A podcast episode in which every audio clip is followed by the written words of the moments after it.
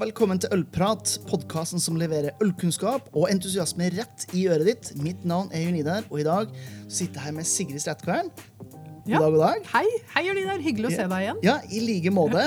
Eh, og, og du har en, en arbeidstittel som er kjedelig på ene siden, men så har du en helt fantastisk tittel, som er stemningsskaper Ja. i Ringnes. Ja.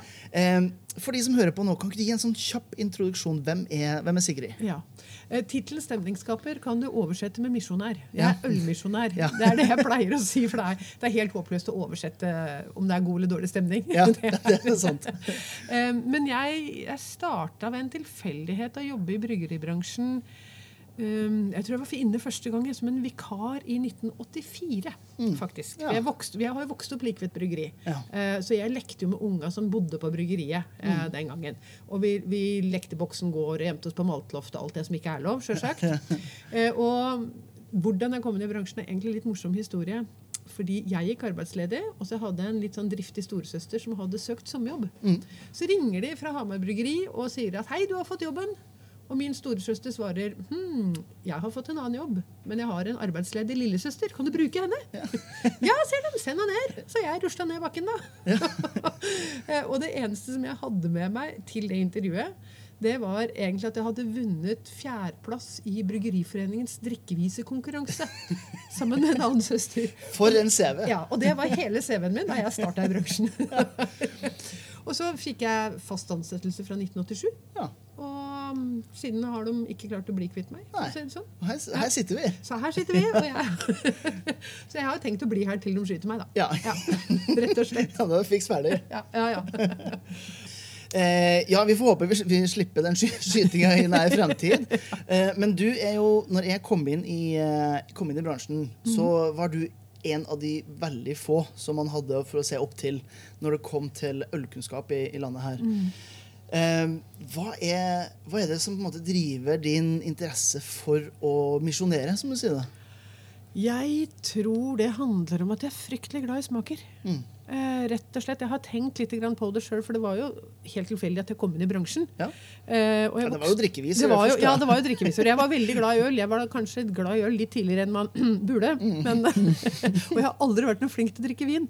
Eh, så, men, men det er noe med at jeg syns det var kjempemorsomt å, å jobbe i bransjen. Mm. Så det var det ene at det var så mye veldig, veldig bra folk. Um, og så var det tilfeldigheter på hva jeg ble utfordra på på jobben, og hva jeg fikk lov til å gjøre, egentlig. Men Mm. jeg tror jeg begynte ganske tidlig å interessere meg for andre ølstiler enn det vi nødvendigvis solgte sjøl også, fordi jeg er så opptatt av smak. Mm. Og, og fordi jeg tenker at folk har på en måte Vi er så forskjellige, da. Mm. Og da, da er det noe med å se bredden både i smaker og i folk. Ja, ikke sant? Ja. Så, eh, så, så det er jo, Men aller mest tilfeldigheter, faktisk, Ja. tror jeg. Eh, og du har holdt på da i eh, 32 år med tilfeldigheter, Ja. men, innom, innom det samme. Eh, den første sånn ordentlige eh, ølboka som jeg leste ordentlig, det var jo din, eh, det var jo din bok. Eh, 'Øl med kniv og gaffel' kom ut i, i 2009. som eh, Helt fram til jeg skrev min egen, var det eneste norske eh, øl- og matboka som var. Ja. Eh, hvor mye tror du en, en sånn bok hadde å si når den kom? Eh, ja, det var jo faktisk en del forlag som mente at det ikke var noe marked for den. Mm. Fordi den var for sær og for spesiell. Eh, heldigvis så ville jo Dinamo satse på den. Um, og jeg tror kanskje egentlig at jeg lå nesten et par år forut for min tid. Ja, ja, Den kunne rett blitt altså. enda større hvis jeg hadde kommet seinere. Men jeg kom på det tidspunktet fordi jeg egentlig er litt lat. Ja, Fordi, okay. jeg, ja, fordi vi, jeg drev med mye opplæring av egne ølverter og, og folk som jobbet sammen med meg. Og for meg å skulle repetere det samme budskapet gang etter gang etter gang, så fant jeg ut hmm, hvorfor ikke lage en bok, da? Ja. Ikke bare et manus til noen få, men å lage en større bok av det. Ja. Og I tillegg så hadde, jeg- hadde jeg samarbeid med da fotografen Isidor Råstrøm, som, som vi brukte mye til å ta bilder. Mm. Eh, og han var også veldig gira på det. Så, så det var igjen tilfeldigheter som gjorde at jeg kanskje var litt, uh, født litt for tidlig, som jeg pleier å si. Ja, for, for det er jo, du, du er inne på, på noe ganske sånn essensielt med, med jobben din, og egentlig det som jeg også innad i bransjen har blitt uh, kjent med det som, og det her med, med opplæring. Eh, nå gjør du kanskje ikke så mye opplæring ut av, av Ringnes eh, og, og Karlsberg-konsernet som nå, men du må jo ha du må jo ha lært opp hundrevis av mennesker opp gjennom årene. Mange tusen, faktisk, Ja. har, har jeg, har jeg hatt, hatt innom på kurs både i, i innland og utland. Da. Mm. Uh, og det har jo lært meg veldig mye. Jeg tror det har vært med å forme meg. Ja. Og jeg tror det har vært med å forme den kunnskapen eller grunnleggende forståelsen om at vi er så forskjellige, og den respekten for at folk har forskjellig smak. Da. Mm. Eh, og klart, Det er vel heller ingen i Norge som har blitt så mobba som jeg har blitt. Nei? For jeg sto veldig aleine da jeg startet med de første ølskolene som jeg startet med i 2000-2001. Mm. Uh, Så var jo det helt nytt i markedet, og folk har jo elsket å mobbe meg med alle andre konkurrentmerker. Og, og ikke minst at jeg var jente, så skulle de bevise at jeg kunne ingenting og de kunne alt. Ja. Så jeg har gått en ganske tøff vei. Mm. Og det er noe som mange jenter fortsatt møter. At det er Du møter noen få som tror at 'hallo, du er dame'. Det er 'hva vet du om øl', da. Mm. Jeg var litt pussig det jeg var i sommer nå, så var jeg for Karlsberg da, i India og Nepal. Mm. Og da var det jo kun mannfolk jeg lærte opp. Ja. Det var ikke en kvinne å se i nærheten utover de som jobbet som sekretærer. Nei. Så, så, så klart Norge har jo kommet langt. Damer og øl er et eh, ganske etablert konsept konsept etter hvert i Norge. Ja. Og, og også veldig takket være Hege Ramseng Mm. i Bryggeriforeningen. For hun har gjort spesielt mye i forhold til damer og øl. Hun har dratt med seg masse bra damer rundt i hele bransjen. Mm. Og så har hun også klart å få med seg mye bra damer som har mye innflytelse. Opinionsledere Mm. blant masse flotte kvinner. Så, så det også, for det er en, en annen hjertesak som jeg deler med Hege, er at at the end of the day, når du når gutta får seg en ny kjæreste og flytter hjemmefra, eller flytter inn sammen med sin første kjæreste, så kan du veldig ofte se at ølforbruket går gradvis over til vin. Ja. Fordi det, det er jentene som bestemmer hjemme. Ja. Det er like it or not. Skjønner ikke hva du mener Nei, i hele tatt. Aldri vært borti det. Jeg vet ikke om kona di drikker mest vin eller mest øl. Nei, det er bare jeg som, som drikker for øyeblikket, Ja. faktisk. Ikke sant? Og hvis vi får jentene til å skjønne mer om øl, og forstå øl, og forstå at øl er mer enn pils, at det kan være fantastisk godt til mat, så er det også en måte å få det inn når du inviterer venner hjemme. da. Ja. Eh, hjemme hos meg så er det jo bare øl vi serverer. Ja. Så har jeg, jeg har et par vinflasker på lur. jeg- Sånn, I tilfelle. Ja, men jeg aner jo ikke hva slags vin det er engang. Du vet fargen i det hele tatt. Ja, Men det er jo en av de tingene som jeg, som jeg har reagert på opp gjennom årene. Eh, bryggerier som har laga jenteøl. Mm. Altså det, eh, for meg som gutt da, Nå har jeg jo skjønt etter hvert at jeg er jo feminist. Uten at jeg har tenkt at jeg er en feminist. da.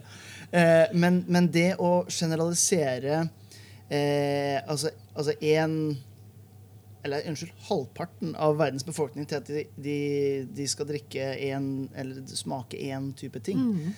Det er jo eh, eh, det er veldig mannfolksk å gjøre det. Ja, ja, det ja blir men som det å er det. si at alle kvinnfolk skal bare spise laks. Ja, ikke sant? For at det er nett og fint og lett og sunt. Og alle jenter er jo helt like. ja, ja, ja. Ja, ja, Det er ingen av dem som liker sjokolade Nei eller lakris eller Nei, eh, særlig ikke sammen med, med øl. Nei. ikke sant? Så nei, det, det, det er egentlig et veldig godt, eh, godt, godt point. Der, altså. Jeg tror du og jeg deler veldig mye av den, den det. oppfatningen. Men for alle som jobber med øl og mat, Mm. eh, eller med vin og mat for den del, men særlig med øl og mat, så tror jeg vi skjønner mer at jenter eh, de har jo en, enda bedre smaksløker enn enn menn veldig Ja, ofte. ja. Og her er, eh, hvis du presenterer ting på den riktige måten. Men det handler mye om at en del kvinner tror at øl bare er pils i et Ja. stort halvlitersglass. Mm. Så med en gang du får mindre glass, pene glass, og du kanskje får presentert det som La oss ta begrepet surøl, da. Mm. Atle Menotti er fantastisk der, for han sier ikke surøl, han sier champagneøl. Og så er det, Du kan jo ikke si at surøl er det samme som champagne. Nei, Men navnet du bruker når du presenterer det, betyr så innmari mye. Mm. Eh, og, og det setter ølet inn i en helt annen setting enn hva du er vant til. Mm. Så ja, det er fortsatt en del kvinner som er litt for mye generaliserende i forhold til øl. Mm. Men med en gang, jeg tror både du og jeg har opplevd det at når vi har dem på kurs, så går de ut igjen med stjerner i øya, og så rugger de en bukkøl i armen og sier at dette skal de kjøpe med seg hjem igjen. Mm. Ja, ja, ja. det blir det samme som eh, Jeg husker ikke hvilken setting det var, men eh, vi var i Belgia, og så var det en stout som ble presentert. Og ordet stout ble sagt såpass fort. Og så gikk det over til smak av sjokolade og lakris. Mm. Ja. og Og det var liksom, ja, da, går man, da tenker man ikke så mye på at det er en, det er en mørk og tung øl. Man tenker Nei. bare å, sjokolade og lakris. Ja, ok. Mm. Eh, eller su unnskyld, champagneøl Ja. med, med, med kirsebær, for eksempel. ja, for eksempel. Eh, det har en annen klang enn en surøl Ja. med, eller en krik. Ikke sant? Og, og det handler veldig mye om hva vi kombinerer til de ølene av og til når vi introduserer dem. Mm. Og sjokolade er jo fenomenalt. Og lakris og ost Mm. Og jeg likte jo ikke ost for 15 år siden. Nei. Jeg hata ost overalt her i verden. Du skulle bare visst hvor fanatisk jeg var. Det var, det var altså, en pizza kunne til nød gå an hvis det var noe sånn stusslig mozzarella på den, eller, eller noe sånn Norvegia som ikke smakte noe. Men, men da jeg ble introdusert til belgisk blond og en IPA, en amerikansk IPA, det var jo det som fikk meg til å faktisk like ost. Ja. oh ja. Og så har jeg skjønt da i etterkant at jeg vokste jo opp på 70-tallet med ham på hyssing og strikkeskjørt og runde briller og greier. Og ost og rødvinsparty. Ja. Ja, ja, ja. Ja, og så har du da billige tanninrike rødviner. Mm. Eh, ost med mye syre og mye mineraler. Og alle disse nymotens fine grønnsakene, da, som var selleri og valnøtter og denne fæle paprikaen som var så sterk. og sånn, ikke sant? Når du legger det på et brett sammen med en i rødvin og ost, så måtte det gå gærent. Ja, ja, Og så litt sånn salt kjeks i tillegg. Bare for å være helt eh, ja. sikker på det hele, hele spekteret. Så, og da, da, da jeg ble voksen, og veldig voksen da, øh, litt sent utviklet i forhold til ost, og fikk det sammen med den sødmen som du har i øl, og sammen med bitterheten og all den humlerikdommen som du får i en IPA, så var det perfect match. Ja. Ja. Men det handler da om å lære folk dette og gi dem eksemplene. Ja. Ja, rett og slett gi dem en, en kontekst annet enn en det de kanskje er vant til. Ja. Eller fordommene deres sier. det. Ja. Eh, eh, For å ta et lite steg tilbake til, til det her med opplæring. Du sier Mm. du har gjort det eh, i Du snakka om det litt før vi starta opptaket. Eh, over 20 land. Du snakket Mm. Ja. om altså, flere tusen mennesker. Ja. Er det noen sånne her fellesnevnere for hvordan man skal få folk til å lære noe? Eh, fordi at det er jo uten tvil En ting er jo når man selv eh, som, som ølentusiast ute Mm. på en bar skal ha noe, men det er jo også de som jobber bak baren. Hvordan kan de formidle kunnskapen sin? Mm. Ja. Eh, Har du noen, noen røde tråder, noen tips? Ja, altså Det aller viktigste er noe av det som de jobber med her også. Nå sitter vi jo på ja, her i, i Ringnes Brygghus, hvor de sitter jo midt i ølverden. Mm. Og det som de jobber med her òg, malt humle gjær. Og jeg prøver å ta utgangspunkt i det, de tre ingrediensene. Mm. Og så smaker vi på øl som enten er maltdominerte, humledominerte eller gjærdominerte. Mm. Og jeg starter alltid med å fortelle litt om bryggeprosessen og ingrediensene uten å bli for teknisk. Ja. For da detter jo folk av. Ja, ja. Men å gi dem eksempler på hva, hva er egentlig smakene av gjær. Så hva er disse tropiske som blir den modne bananen, og hva er estere som er nellikspikere og, og litt lær og sånne ting. Og, men jeg merker jo også særlig når de er i Asia, så har de litt andre smakspaletter enn det vi har. Mm. Så det er litt vanskeligere. Eh, De har en annen toleransegrense for bitterhet også. Ja, ja, akkurat, akkurat som franskmennene. Men vi kan bruke de samme eksemplene over hele verden. Mm. Og øl er jo stort sett det samme over hele verden. Det er bare litt andre navn og kanskje noen andre in ingredienser. Mm. Eh, og jeg har jo lært veldig mye kulturelt om er Maten er kanskje den største utfordringen. Ja. Fordi her i Europa så snakker vi veldig mye om proteinet som ligger på tallerkenen, Mm. og hvordan det er tilberedt. Og vi snakker liksom er det fisk eller er det kjøtt. Og spiser du eh, i et selskap i Asia, så kommer alt på bordet samtidig. Mm. Og de sier enten at det er sterkt, eller at det er surt, eller at det er bittert. Gå på grunnsmak, rett og Eller, og, bare på grunnsmaker. Eh, så du må liksom skru om hodet ditt helt og tenke på ja, men hvordan skal jeg kombinere øl med det. da? Mm. Eh, men at the end of the day så er det jo balanse og intensitet i, i smakene. Mm. Så det er eh, Og jeg synes den måten å dele det opp på, det er noe som vi også bruker med å gå på råvarer. For at hvis man hvis jeg og du, nå, nå er vi kanskje ikke representative, mens to tilfeldige mennesker ute på gata eh, setter seg ned og skal diskutere hva gjær smaker, så, så begynner de sikkert eh, samtalen med eh, hvordan ser gjær ut, egentlig? Ja. altså det, det å bryte ned i de råvarene som du sier, som du finner i tilnærmet alle øl, eh, det er en veldig sånn, smart måte for å få folk eh, hekta inn på ting. For da skjønner de plutselig at hvis de liker det her floraliteten og tropisk frukt, ja, men det er kanskje humle det de liker. Men hvis de ikke liker bitterhet, men de syns sødme er bra, ja, men da er malt liksom veien å gå. Så rett og slett bryte ned i, i grunnstoffene i øl. da. Ja, ikke sant? Og, og bare det som du sier, ta, ta utgangspunkt i de ingrediensene. Bare det er vanskelig nok for folk flest også Ja. å forholde seg til. Så det at de får smake lys malt og mørk malt, bare det er en aha-opplevelse for veldig mange. Mm. Og også fortelle at i et mørkt øl så er den største andelen av malt er fortsatt lys. Ja. Hvis du skal få laget alkohol. Ja. For det er en sånn fordom som veldig mange har, er at de sier Guinness er så tjukt at det kommer til turglaset.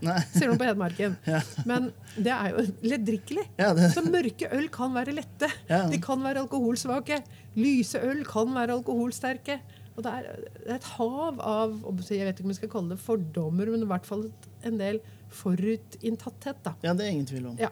Det, det Som, og det, de er de samme over hele verden. Ja, ok. Ja. Men eh, i, i Folk er folk, Folk er folk, men så er det jo stor forskjell på en del politikk og kultur også som influerer eh, på, på ølopplevelsen. Og der. Er Russland aller, aller verst. Ja, det er det. For der er det de som, de som produserer vodka, de har, den kan nesten sammenligne det litt med våpenprodusenter i USA, som er veldig tett på politikerne. Mm. Du har det samme med vodkaprodusenter i, Ah. i Russland.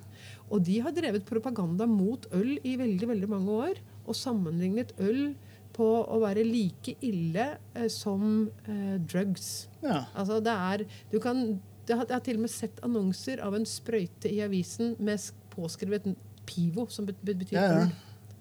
Så um, Jeg må nesten ta meg sjøl øl litt. For Ja. jeg tenker, det første jeg tenker når noen sier PLL, det er jo heroin. Ja, ikke sant? Det, Yes! det er ganske absurd Ja, det er, det eh, er for helt oss. sjukt. Og, og noen påstår at nei, men øl det er jo bare et kjemisk pulver som er blanda ut i vann. Ja, ja, Så da tenker jeg ja, men da hadde jeg tatt det pulveret og solgt i butikken. Ja, og ikke giddet å blande det ut med vann for å frakte det. Nei. Altså, det er, det er, det du vil ikke tru hva jeg får høre. Nei. Det er, eh, Det er litt det er, det er veldig morsomt. Det er veldig underholdende på en del områder. ja, ja, og samtidig så er det innmari godt å komme hjem til Norge. ja. Ja. Ja, for, og for her har det jo skjedd sinnssykt mye siden du skrev mye. dine første drikkeviser. Oh yes! Kan ikke du eh, nå har, Vi skal ikke bruke hele dagen. Men kan ikke du gi, gi noen av dine observasjoner de siste 30 årene innen Øl-Norge? Ja. Det er, er, jeg har reflektert litt over det da jeg begynte i bransjen. Jeg var jo med på å lansere fatøl. Mm. Og det var jo hele greia rundt å lansere fatøl handlet om å få en ny flaske inn i, i markedet. Ja. For eh, da jeg begynte, så hadde vi den lille bjørnungen, som var på 0,35 den gangen. Og så hadde du mureren, som var på 0,7. Ja. Og mureren var på vei ut og ble erstattet av flaske med skrukork. Mm. Så den flaska med skrukork var jo kjempemoderne da jeg var, var ung. Og så kom da i tillegg halvlitersflaska, som ble introdusert som en ny flaske i handelen. Og da er vi på den tiden hvor når du skulle pante flasker, så skjedde det over disk. Mm. Til kjøpmann, så Han sto og telte opp flaske for flaske og plasserte dette i kasser manuelt. Mm. I dag så putter vi bare et hull i veggen. Ja, ja.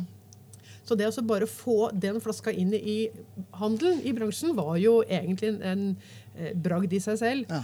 Og hele greia var at nå kunne du skjenke deg din egen halvliter hjemme. Det var jo det som var, eh, var veldig, veldig viktig Ja, eh, den gangen. Men Så, Litt annet enn eh, litt annet enn der vi er i dag. Når Ja. du få én ny øl på hylla, så tenker jeg det kommer jo kanskje 1000 nye norske øl Ja. hvert år. ja. Og dette var jo før kartellet ble oppløst. Vi hadde Mm. ølkartell fram til 1987. Og jeg var også med på å lansere lettøl, som var det samme lettølet for alle bryggerier i hele Norge. Eh, etiketten var identisk, med unntak av navntrekket til bryggerimesteren. Ja. Så, og, og hele ideen var den samme, og oppskriftene var grunnprinsippet det samme.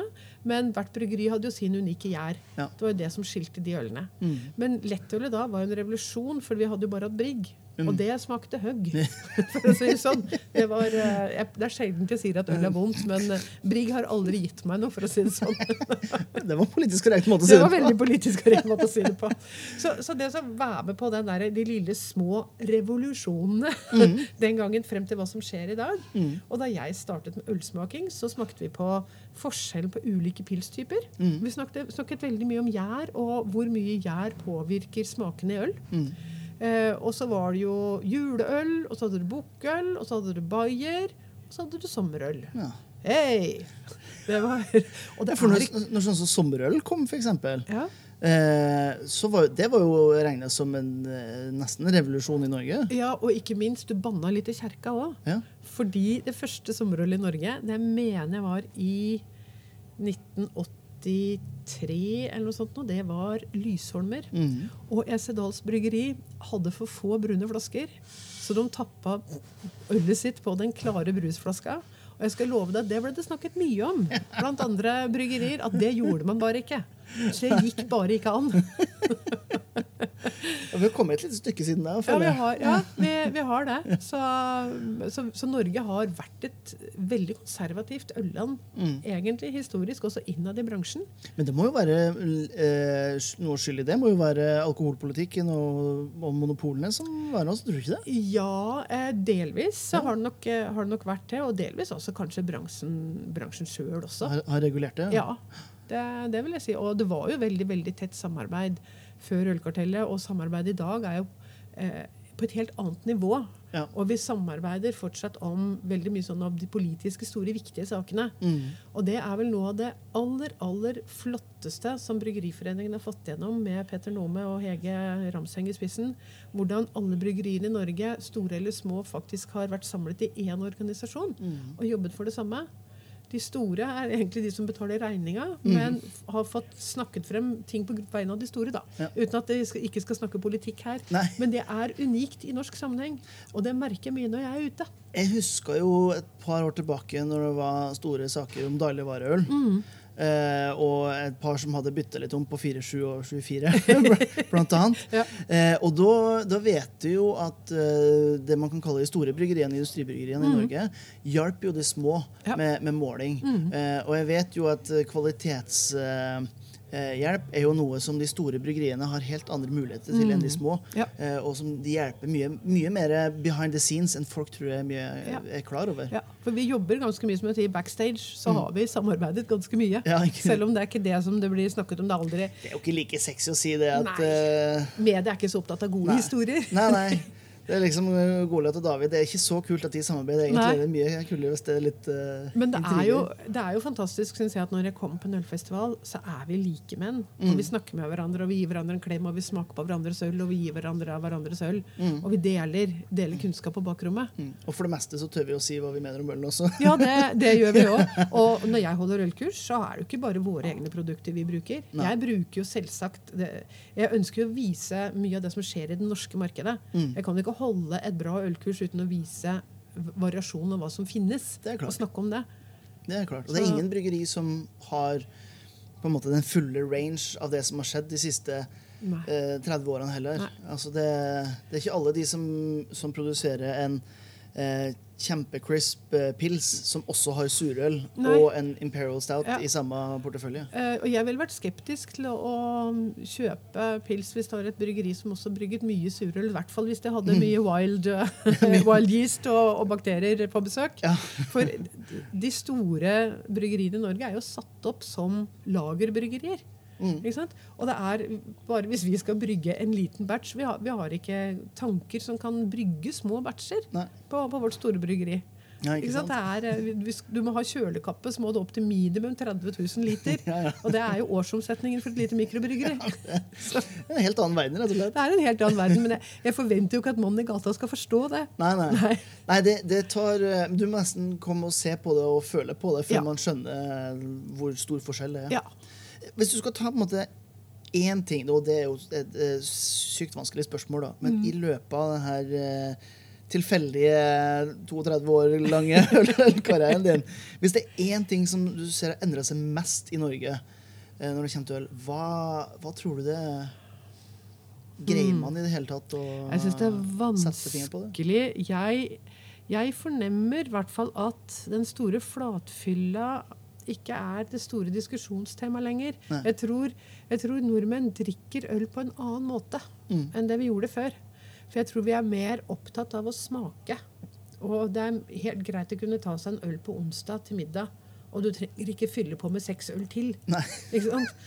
Og det, så det, jeg tror vi bruker øl på en annen måte. Mm. Eh, Det tror jeg er det som har forandra seg aller, aller mest. At vi har fortsatt alle de sosiale settingene, men vi har fått et påfyll av flere anledninger. Mm. Det tror jeg kanskje er det som har uh, forandret seg aller, aller mest. Ja, det har vært litt interessant å, å lære litt mer om akkurat eh, den psykologien og, og forbrukermønsteret i, Ja. i så måte. For det man ofte tenker på når man jobber med, med utelukkende håndverksøl, er jo på en måte variasjon i stiler. Sant? Hvor er det nyeste først, og eh, hvor er de mest hippe plassene man kan få tak i størst mulig utvalg. Men Ja. altså den, den menige mann i gata eh, vet jo ikke hva untapped er for noe. Nei. Eller Den menige mannen i gata vet ikke forskjellen på pale ale og IPA. Nei. Og, og det er vanskelig å ta inn over seg for oss som, som liker øl, og som snakker mye om øl eh, til vanlig. IPA-pils er fortsatt det beste uttrykket Ikke som er skapt i Norge. Ja. jeg skjønner ikke Jeg husker første Det må være seks-sju års tid siden. ja. Når vi var på, vi var på eh, festival på, her på Grünerløkka. Mhm. Eh, og det kom en, og han bare Ja, jeg skulle hatt en sånn IPA-pils. Ja. Og jeg visste ikke om han tulla med meg, Nei. eller om han var seriøs eller ikke. Men det er jo en ganske god er beskrivelse på hvordan Norge ja, egentlig og det er veldig veldig god beskrivelse. Og når jeg holder kurs, den som er med meg mest på kurs, det er svigermora mi. Ja. Jeg har verdens herligste svigermor. Eh, hun vil veldig gjerne ha en øl. Og hvis jeg spør om hun vil ha noe til kaffen, så svarer jeg ikke konjakk. Hun sier 'har du et morsomt øl å by på'? Ja. Eh, men samtidig. Og hun er frelst. Men hun kan ingenting om øl. Hun hun er veldig åpen for det. Og når hun skal ha gjester, så kommer det en SMS hvor det står 'dette er menyen, hvilke øl skal jeg kjøpe'? ja. Og hun, hun, hun vet ikke hvorfor, men hun er i hvert fall interessert i å, å gjøre noe med det. Mm. Og det er jo det som også har, som det er store forskjellen, er at vi drikker annerledes, og vi er blitt mer åpen. Mm. Uh, vi tiltar til oss mer kontinentale vaner. Vi reiser jo innmari mye. Helt sykt mye. Ja, masse mye. Vi skulle hatt flyskam. eh, Det skal vi ikke diskutere Nei, det skal vi ikke gjøre. i dag. Jeg vet ikke om det, jeg vet ikke om noen som heter, det er noen som har sagt om, snakket om ølskam, men det nekter jeg å tro. Ja, nei, det Det er ingen som faktisk etterlater seg så få sp- økologisk eller sånn miljømessig miljømessige spor som eh, bryggeriene, men det er en annen diskusjon, Ja, ja. så det, det tar vi også en helt annen, eh, annen dag. Det blir en annen podkast. Ja, ja, det blir en helt annen podkast. Men det er Nei, tilbake til det du spurte om. Det er, jeg syns det er vanskelig å si hva som har endret seg, men jeg tror markedet Det er jo en pendel som gir store utslag. Mm. Og etter annen verdenskrig så gikk jo forbruket fra Bayer over til pils. Mm. Det var liksom den store revolusjonen som skjedde i løpet av 20-30 år der. Ja. Og, og nå har det da liksom fra 1990 og frem til nå, så er det egentlig IPA som har vært det store toget. Eller Humle har vært det store lokomotivet Ja, som har drevet eh, ølrevolusjonen. Og jeg tror humlerik øl har kommet for å bli. Mm. Og så er det en del mindre på siden som jeg tror har kommet for å bli, men som ikke blir like store. Mm. Um, Ja, for det, En av de store tingene som jeg hører fra USA, er jo at nå kommer pilsen tilbake.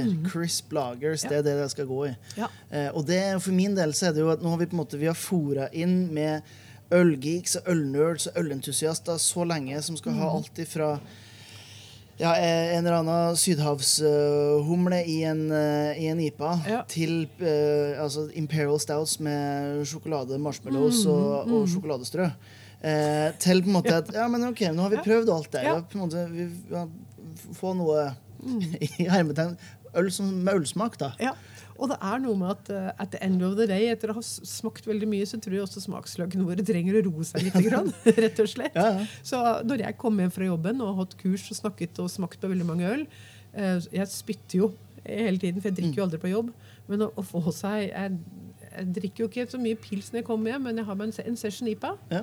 Det er liksom det som jeg skal winding down med. Ja, er, men jeg tror også pilsen kommer til å bestå, og flere, Ja. som du sier, vil komme med pils. Mm. Eh, Fordi det er det store volumet, og de små aktørene trenger et volum for å overleve. Ja, ja, uten tvil. Og det er et, noe som, som du har sett fra en del amerikanske bryggere, som jeg tror også gjelder for en del av småbryggerne i Norge, er at hvis du bare har en menighet som skal ha nye øl annenhver uke, så rekker du ikke å perfeksjonere bryggene dine. Nei, nei. Eh, Og du rekker ikke å lage volumøller som folk kjøper igjen og igjen og igjen, og som de kan drikke flere av. Og det er, Du trenger den økonomiske basen i bunnen Ja, tror jeg, for å, for å ha suksess. Jeg tenker, eh, jeg kommer jo fra, fra restaurantbransjen sjøl, og jeg vet jo hvordan man setter opp en, eh, en meny. Og man gjør det på akkurat den måten. Eh, Du åpner et sted, og så bruker du hagle og prøver å skyte sånn cirka på matretter som du tror kan treffe mest mulig folk. Og så ser du at 30% 40% 50 ikke selger noe særlig. Dem bytter du Ja. kontinuerlig, helt til at du får noen som selger litt bedre enn dem som, som var igjen. Men du har jo alltid Ja. eh, Husets burger Ja. eller Husets fisk. eller Ja. noe måtte være. De kommer alltid til å være der. Ja. Og det er akkurat det samme drikk som det er på, på det du finner på, på kjøkkenet. Mm. Og da er det jo så er det noen som ikke har skjønt det riktig ennå. Eh, som, som tror at de må ha liksom, 200 øl i utvalget. Og det, det skal ikke være mange i en by som har 200 øl i utvalget før det blir for gammelt. Nei, nei det, det går ganske kjapt. Ja, det, det går veldig, veldig kjapt. Jeg tror også derfor man ser sånn fra, fra importbransjen, når man ser mange, spesielt vinimportører, som begynner med øl, og så oppdager de oi, shit, øl har jo holdbarhetsdato. Det har ikke vi på samme måte. Nei.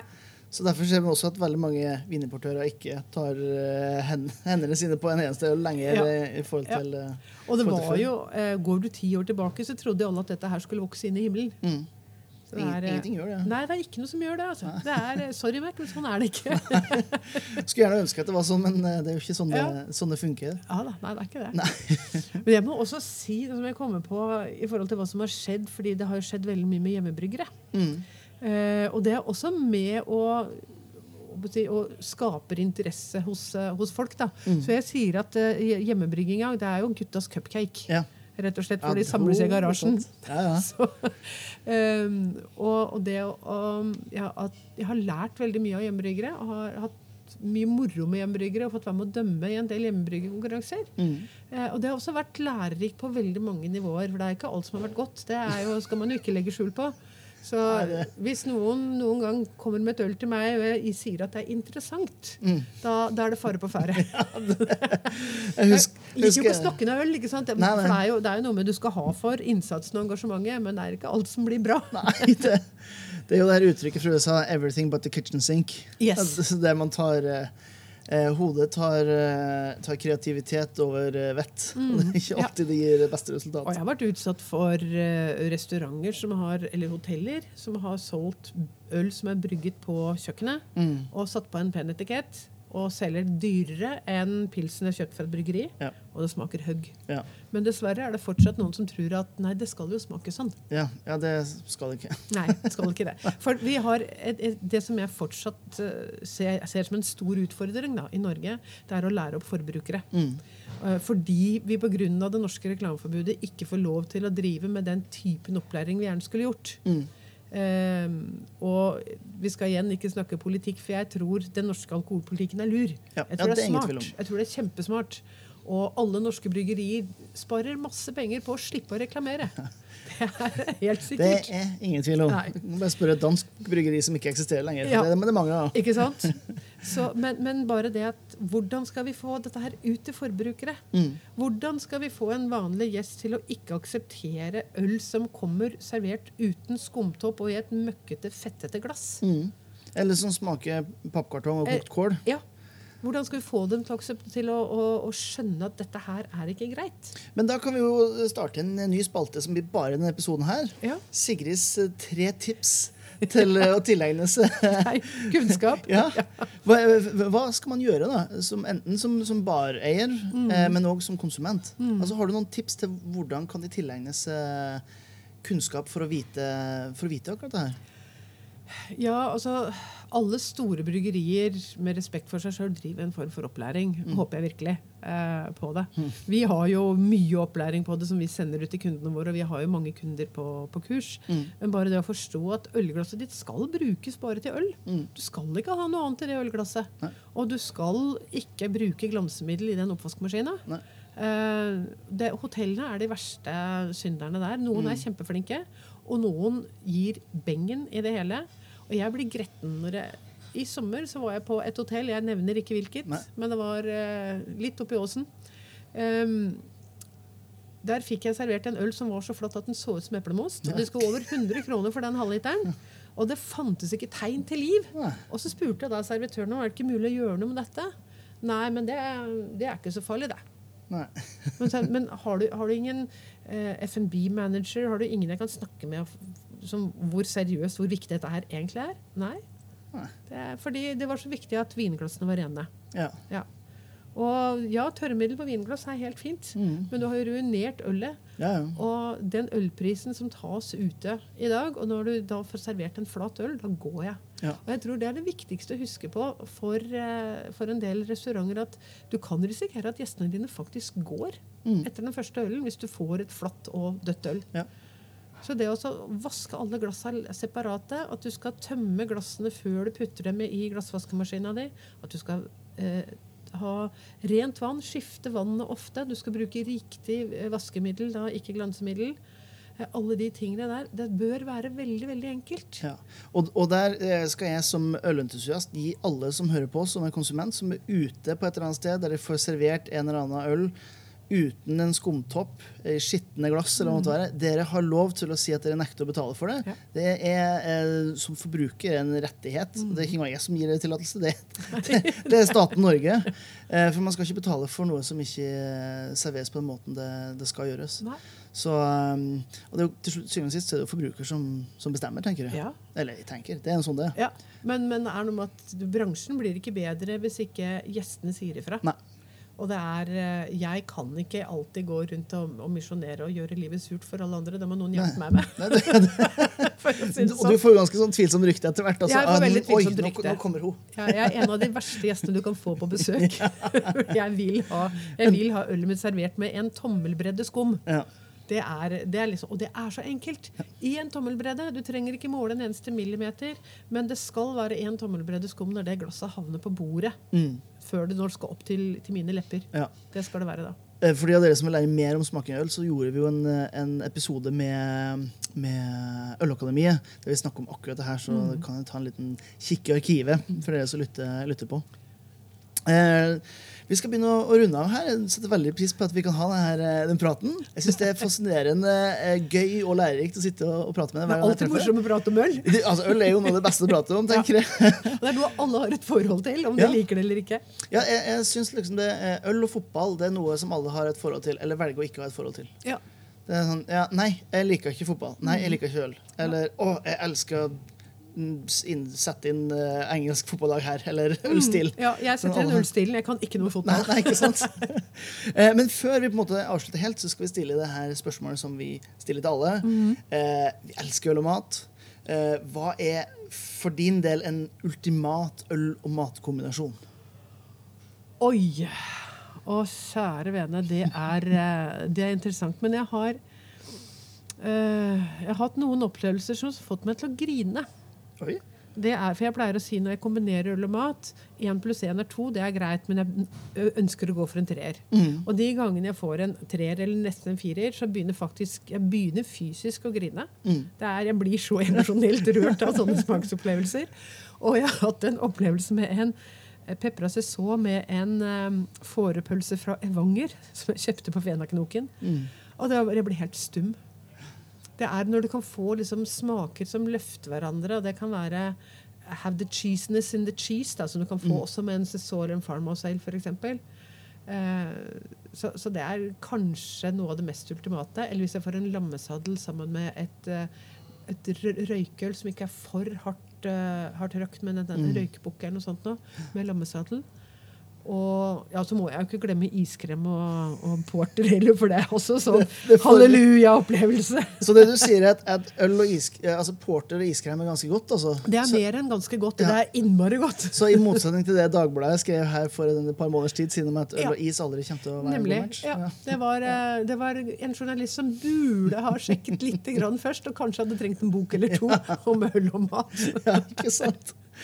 Ah, ja, det var, vi skal ikke, du, vi hoppa inn i den uh, diskusjonen med Lasse Lukas her for Ja. en episode eller to siden, så Ja. vi skal ikke gå dypere inn i det. Nei da, men, Men det svart godt på det. Ja. Men lammesadel og, og øl, nå er det jo lammesesong også, så det er jo en helt perfekt, eh, perfekt ting. Og, Og det fins jo ikke en matrett du ikke kan sette øl til. nei, nei, Hvis det du bare, hvis du bare går, litt, uh, går litt bredt, rett og slett. Altså, noen Mm. ganger så finner du de der små klassiske som jeg sier, de uh, bombene som får deg til å grine. Det er Mm. bare helt fantastisk. Herlig, Siri. Du, tusen takk for at du tok deg tid til å, til å prate med. Og takk for at jeg fikk lov til å prate så mye. Ja, Det skulle jo bare, skulle jo bare mangle. Er du misjonær, så er du misjonær. Ja, Sånn ja. Amen. Ja. Og til eh, dere millioner av lyttere som hører på det her, så vil jeg si eh, takk for at dere hørte på denne praten. eh, Som alltid finner dere den her og, og alle andre episoder vi, vi sender ut på diverse podkastplattformer både her og der. Eh, og så får du huske til neste gang at eh, gode folk fortjener godt øl.